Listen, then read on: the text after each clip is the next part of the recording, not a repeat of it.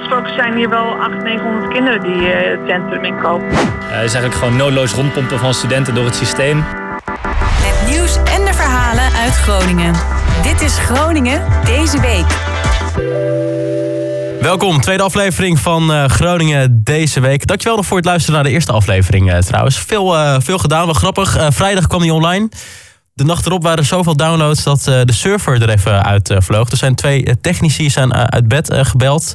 Die hebben een tweede server aan, aangesloten om, ja, het is technisch verhaal verder door, maar om te zorgen dat de downloads gewoon verder konden en dat we gewoon de hele week beschikbaar waren met de eerste aflevering Groningen deze week. Nu is de tweede. Ehm, ik ga zo meteen even bellen met Daphne de Haan. Ze zit in de ondernemersraad in Haren. En ze hebben besloten dat Sint Maarten niet doorgaat dit jaar daar in het centrum. Ik bel zo meteen even met, met Daphne. Ik ben sowieso benieuwd hoe het in Haren nu gaat tijdens de coronacrisis. En de Groningen Studentenbond die willen dat de universiteit en de hogescholen in Groningen zo snel mogelijk de, BC, de BSA afschaffen. Er is al in de Tweede Kamer besloten dat eh, de BSA waarschijnlijk afgeschaft eh, gaat worden. En nou, zij willen dus dat dat zo snel mogelijk wordt doorgevoerd eh, in Groningen. Ja, het advies is nog steeds van de overheid. Heb je klachten die kunnen passen bij het coronavirus? Blijf dan thuis en laat je testen. En ja, een hoop mensen laten zich ook echt testen op, op corona. Op dit moment is in Nederland de vraag naar testen groter dan de capaciteit van de laboratoria. En dat zorgt dat er een, wachtrij is. De Volkskrant heeft ook uitgerekend hoe lang dit gemiddeld duurt. Op dit moment ben je van het moment van het maken van een afspraak tot de uitslag beschikbaar is. Dus die hele tijds, het hele tijdsbestek is op dit moment 56 uur. Dus je kan gemiddeld ben je 56 uur verder vanaf het aanvragen tot, tot de uitslag van zo'n coronatest. En wat je daarom nu heel veel in Nederland ziet gebeuren is de opkomst van commerciële coronateststraten. Hierbij kun je sneller getest worden en is de uitslag ook sneller beschikbaar. Deze testen worden ook door de overheid over het algemeen als betrouwbaar gezien. Ja, het voordeel van deze teststraat is dat je dus sneller geholpen kan worden en dat je ook nog eens sneller de, sneller de, uitslag krijgt. Al na een kwartier na het afnemen van de test kan je weten of je positief of negatief getest bent op het coronavirus. En sinds deze week is er ook een commerciële coronateststraat in Groningen. Wij spraken Jeroen Bakker van uh, Corona Sneltest Groningen over uh, hoe het precies werkt. Op het moment dat uh, de mensen hier zijn, dan wachten ze buiten het hek in de auto. Op het moment dat ze, dat ze aan de beurt zijn, krijgen ze een WhatsApp berichtje op hun telefoon dat ze naar binnen mogen rijden. En dan komen ze de straat binnenrijden. En dan is het heel even de mensen op hun gemak stellen. Want het is toch niet iets wat je iedere dag doet en iets, niet wat je, wat, je, wat je graag doet. Dan nemen we een, een throat swap, dus een, een swap uit de keel. dan doen we hetzelfde met de neus. En uh, dan vragen we ze het raampje dicht te draaien, uh, weer terug te gaan waar ze vandaan kwamen en uh, aangeven dat ze met een kwartiertje, 20 minuten een e-mail ontvangen met daarin de, de testresultaten. Um, en als daar een, een uh, positief resultaat in staat, geeft het ook precies aan wat ze op dat moment moeten doen en mogen doen en wat niet. Toen we begonnen zijn, was het vooral om te zorgen dat we, dat we kunnen zorgen dat er extra capaciteit is voor, de, voor, de test, voor testen omdat er natuurlijk uh, ja, veel te doen is geweest om de GGD. Uh, het is natuurlijk heel veel drukker geworden dan dat wie dan ook had verwacht of gehoopt. Um, en ja, deze teststraten helpen, helpen mee om te zorgen dat, dat die capaciteit wat vergroot wordt, waardoor de, de wachttijden minder lang zijn. Um, je ziet dat de GGD eh, ja, ook aan het opschalen is. Er komen natuurlijk een aantal grote sneltesten en teststraten bij. Ja, dan zal, dan zal de, de, ja, het bestaansrecht voor onze straat natuurlijk een stuk minder groot zijn. Uh, maar uh, bij de GGD krijg je nog steeds geen certificaat voor reizen. Dan moet je toch alweer naar een, uh, naar een commerciële kliniek, toe. Um, en, en daar zouden we misschien nog een rol in kunnen spelen voor de toekomst. Ja, ik kan me goed voorstellen dat je jezelf nu afvraagt: hoe duur is dat dan? 145 euro. Ja, 145 euro klinkt misschien als veel geld, maar stel je bent zelfstandig ondernemer en je moet anders een halve week dicht. Ja, dan zou dat een goede oplossing kunnen zijn. Verder is er nog wel wat ehm, discussie over de test. Door de overheid wordt de test als betrouwbaar gezien. Uh, de meetmethode die verschilt van de, de PCR-test die de, de GGD uh, uitvoert. de sneltest dat is een antigeentest en meet de aanwezigheid van bepaalde virus-eiwitten. Terwijl de PCR-test die kijkt hoeveel van het virus zelf aanwezig is.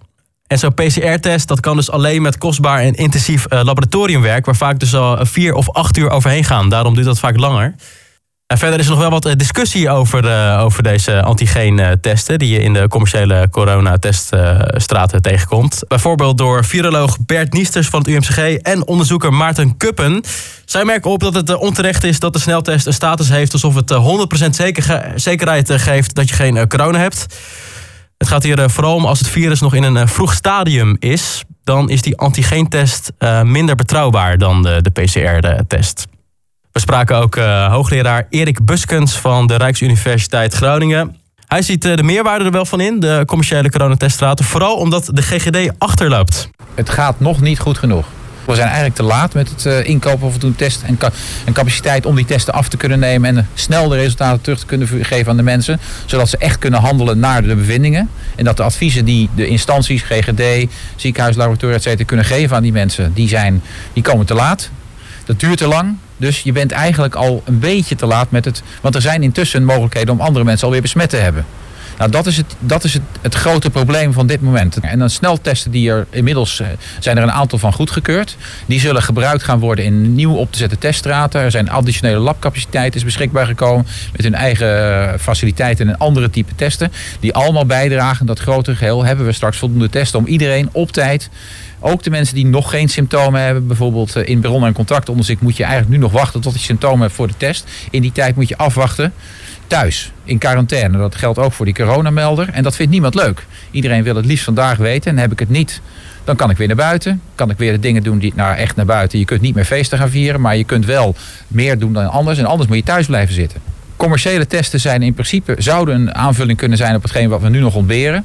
Maar de vraag is een beetje, positioneren ze zich dusdanig dat ze echt ondersteunend zullen zijn aan dat landelijk beleid voor zo vroeg mogelijk doorbreken van die keten en mensen op tijd vertellen of ze de, het virus bij en gevaar zijn voor, zich, nou, voor anderen vooral, om anderen weer te besmetten, zodat die pandemie maar doorgaat.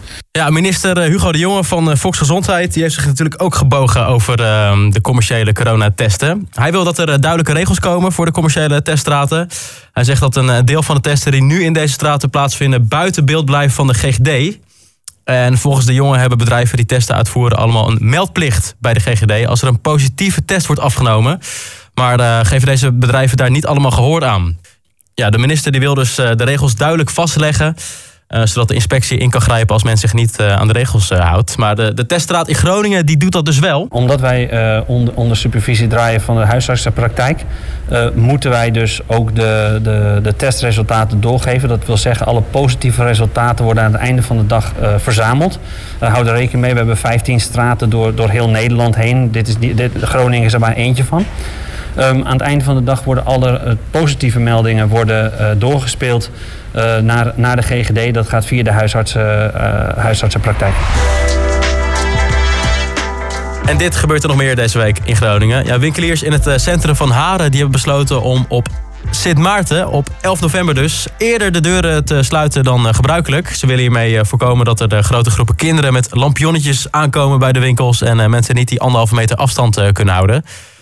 De veiligheidsregio Noord-Holland-Noord die adviseerde dit vorige week ook al aan inwoners om uh, Sint Maarten helemaal niet uh, te vieren. Uh, de veiligheidsregio Groningen heeft dit tot nu toe nog niet gedaan. Zij vinden dit niet nodig en zeggen dat anderhalve meter afstand houden ook wel genoeg is. Ik heb aan de telefoon Daphne de Haan, bestuurslid van het Haren en daarnaast ook mede-eigenaar van Bistro Heerlijk. Fijn dat je tijd hebt, Daphne. Ja, hoi. We gaan het zo natuurlijk hebben over de, jullie besluit om, uh, om eerder dicht te gaan op, uh, op 11 november. Maar hoe gaat het nu in Haren tijdens de coronacrisis? Ja, het is best heftig om te zien dat het zo rustig is in het dorp. wel zie ik om mij heen dat heel veel winkels nou ja, alle mogelijkheden pakken zeg maar, om zoveel mensen nog nou, van dienst te kunnen zijn. desinfectiepalen, mondkapjes, alles goed schoonhouden, winkelwagentjes, karretjes, nou ja, zulke dingen allemaal. En uh, ja, het is vooral door de week is het uh, stil in het dorp. Gelukkig in het weekend uh, merken we wel dat mensen nog hun dagelijkse boodschappen even gauw halen. Maar nou, het is geen fijn straatbeeld in ieder geval zo. Ja, lukt het de ondernemers in Haren ook een beetje om te, te anticiperen op, op de maatregelen? nou ja, veel op social media wordt natuurlijk gepost wat ze, wat ze doen. En ik zie, nou ja, als bestuurslid loop ik ook regelmatig even een rondje door het dorp en zie ik wel wat, wat er allemaal verandert en wat er gebeurt. Dus daarin is iedereen eigenlijk hier heel, uh, heel actief en creatief. Dus dat zijn zeker pluspunten van uh, Haren. En wat ik ook wel merk is dat het ten opzichte van de stad, uh, dus misschien niet heel leuk, maar ja, dat Haren toch voor mensen wat veiliger voelt, denk ik, omdat het wat kleinschaliger is en wat minder druk. Dus nou ja, ik denk dat dat ook een voordeel is voor ons hier in Haren. Ja, wat mezelf erg opvalt in het centrum van Groningen... Ja, het is nu een beetje aan het afvlakken, maar dat het nog steeds heel erg druk is. Zeker op, op zaterdag. Het is eigenlijk alsof er uh, niks aan de hand is. Ik zie het nu wel weer een beetje afnemen, uh, gelukkig. Hoe, uh, hoe zit het in Haren nu op, op, op een volle zaterdag? Ja, nou op vrijdag, vrijdag hebben we hier de weekmarkt. En dan verbaas ik me, nou ja, aan de ene kant ben ik blij natuurlijk voor de koop Um, lieden, maar nou ja, het is de marktlieden, maar het is inderdaad ontzettend druk. Wel houdt iedereen, uh, nou ja, is anderhalf meter afstand, uh, geloof ik wel goed. Maar ik ben zelf horecaondernemer, zoals je net zei, en uh, ik rij hier dan weg uit een lege zaak met de deuren dicht. En dan denk ik, nou, volgens mij het hele leven gaat door en wij worden als horeca nou ja, heel hard getroffen natuurlijk, niet als enige, maar zo in het dorp voelt het dan als je ziet dat er wel heel veel wordt gewinkeld. En, ja. Maar goed, ja. Ja, begrijp ik. Hey, waarvoor ik je natuurlijk eigenlijk aan de lijn heb, uh, is dat jullie hebben besloten om uh, als collectief Haren, ondernemend Haren, om uh, op 11 november op Sint Maarten een uur eerder de, de deuren dicht te gooien. Terwijl de veiligheidsregio Groningen dit niet per se geadviseerd heeft. Waarom hebben jullie toch besloten om dat te doen? Ja, we hebben een enquête gehouden onder de ondernemers hier in Haren. we hebben dan een gezamenlijke groepsapp en heb vrij makkelijk en snel nou ja, kunnen inventariseren wie wat wil. En uh, nou, er kwam eigenlijk wel vrij uh, stellig naar voren dat uh, de veiligheid van, van onze klanten en gasten toch echt wel hoog staat hier in Haren. En ehm, ja, dat we het gewoon niet kunnen ehm, garanderen dat die anderhalf meter kan worden gewaarborgd als er veel mensen voor de deur staan, qua ouders met kinderen. Dus daardoor hebben we gezegd, volgens mij moeten we gewoon duidelijkheid scheppen en aangeven dat ja, helaas dit jaar Sint Maarten niet doorgaat in Haren. En uh, om nou ja, daar ook dus extra duidelijkheid aan te geven, de winkels om vijf uur te sluiten. Ik weet niet of iedereen zich daar aan gaat houden, want ja, saamhorigheid is natuurlijk altijd lastig in zo'n groot winkelgebied. Maar um, ja, dat is het streven in ieder geval. En zodat de kinderen gewoon in de buurt gaan lopen. Maar dit is eigenlijk ook een oproep eigenlijk aan ouders met kinderen om gewoon niet uh, Sint Maarten te gaan lopen, nee, toch? Want, niet, er ja, zullen nou, ook nou, ouders zijn nou, die... Niet in het centrum in ieder geval, maar lopen eens bij de buren langs. En weet je, en vooral ook bij die buurvrouw of buurman die, het, die nu in deze tijd eh, nou, eenzaam is en juist een liedje verdient. Oké. Dat willen we eigenlijk oproepen. Dus eigenlijk gewoon de minder drukke, de drukke ple- plekken eigenlijk overslaan, maar eigenlijk meer verspreid overwijken. Dan, dan is het ook makkelijker om die anderhalve Ja, meter aan te ja. houden natuurlijk. Ja. Ja. Normaal gesproken zijn hier wel 800, 900 kinderen die eh, het centrum inkomen. Dus het is gewoon, eh, dat is geweldig. Dus daarom is het van, vanuit ons als ondernemend haar ook ontzettend tegenstrijdig om te zeggen van nou blijf eh, hier allemaal weg. Want we willen natuurlijk graag dat het centrum Ja. druk bezocht is. Ja. Ehm, maar nou ja, dat, wat ik zeg, de veiligheid staat ook heel hoog. En dat, dat is nu gewoon niet haalbaar, zijn we bang voor. Ja. Dus jullie oproep is eigenlijk, ga ze- lekker Sint Maarten lopen, maar mijd de drukke ge- ge- gebieden. Nou Blijf in je eigen mijt wijk. Het centrum en de winkels en Ja. eh, in, aan het Anjeplein ook. Eh, ja, mijt de winkels en ga gewoon lekker in de, bij je buren in de straat. Verder nog even, eh, jij bent van Bistro Heerlijk hè? Ja, klopt. Ja, Even wat uh, schaamteloze reclame, maar kunnen mensen nog wel gewoon een broodje ophalen en zo bij jullie? Of, ja, ja op eh, donderdag, vrijdag en zaterdag hebben wij een eh, takeaway eh, service. Van 11 tot eh 3. En dan inderdaad voor de lunch kan worden opgehaald. Gewoon onze lunchkaart staat op onze site www.bistroheerlijk.nl. En we hebben eh, wekelijks een wisselend eh, drie gangen menu. Oké, Dus dat is ook wel leuk. Ja, staat ook op het site. zo is dan weer genoeg hoor. Daphne, dankjewel voor je tijd en succes komende tijd. Dankjewel, jij ook. Dankjewel. Hoi, hoi. hoi. En dit gebeurt er nog meer deze week in Groningen. Ja, de Groningen Studentenbond die roept op om het eh, BSA in Groningen nu direct te stoppen. BSA staat voor Bindend Studieadvies. En dat is nou eigenlijk eh, zeg maar die grens die je moet halen als eerstejaarsstudent om naar het eh, volgende jaar te gaan. Je moet- een bepaald aantal punten halen om zeg maar je studie mogen te, te vervolgen. Nou, de Tweede Kamer die stemde dinsdagmiddag al in met de motie om het bindend studieadvies voor studenten aan universiteiten en hogescholen af te schaffen.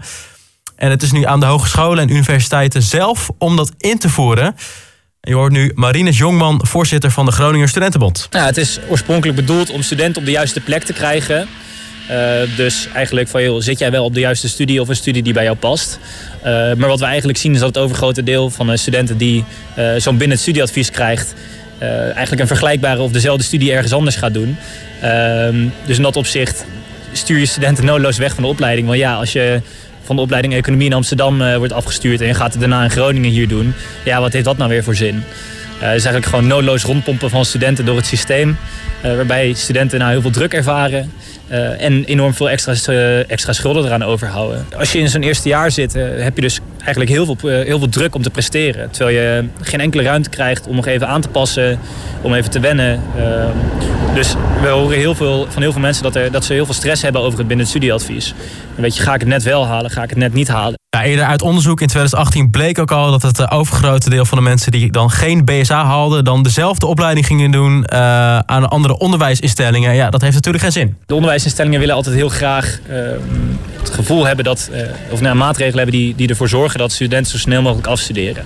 Dus als jij niet het overgrote deel van je punten haalt in het eerste jaar, dan ga je er te lang over doen met je studie. Dus dan zit je waarschijnlijk niet op de juiste plek en willen, je, willen ze je er eigenlijk gewoon niet hebben. Ehm, dus ik verwacht dat, dat zij geen fan zijn van dit plan vanuit de Tweede Kamer. Ehm, maar juist vanuit het oogpunt van de student is het heel belangrijk. Ik bedoel, iedereen is ervoor. De minister, de Tweede Kamer, studentenvakbonden, studentenvertegenwoordigers overal. Alleen de onderwijsinstellingen houden, houden zich hier nog aan vast. Maar dat is tijd dat ook, ook zij dat eindelijk loslaten. Ja, we hebben nog geen reactie van de Rug, de Hansen of, of Stende. Mocht hier zijn, dan hoor je het natuurlijk.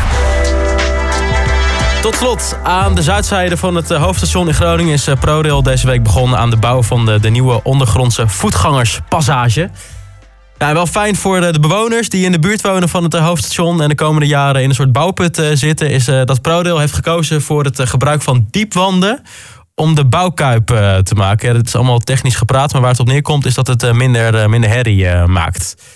Ja, wat zijn nou de plannen voor het station? Nou, er komt sowieso meer ruimte voor treinen. Er worden meer sporen en perrons aangelegd. En er komt ook dus een nieuwe voetgangerstunnel en een aparte fietstunnel.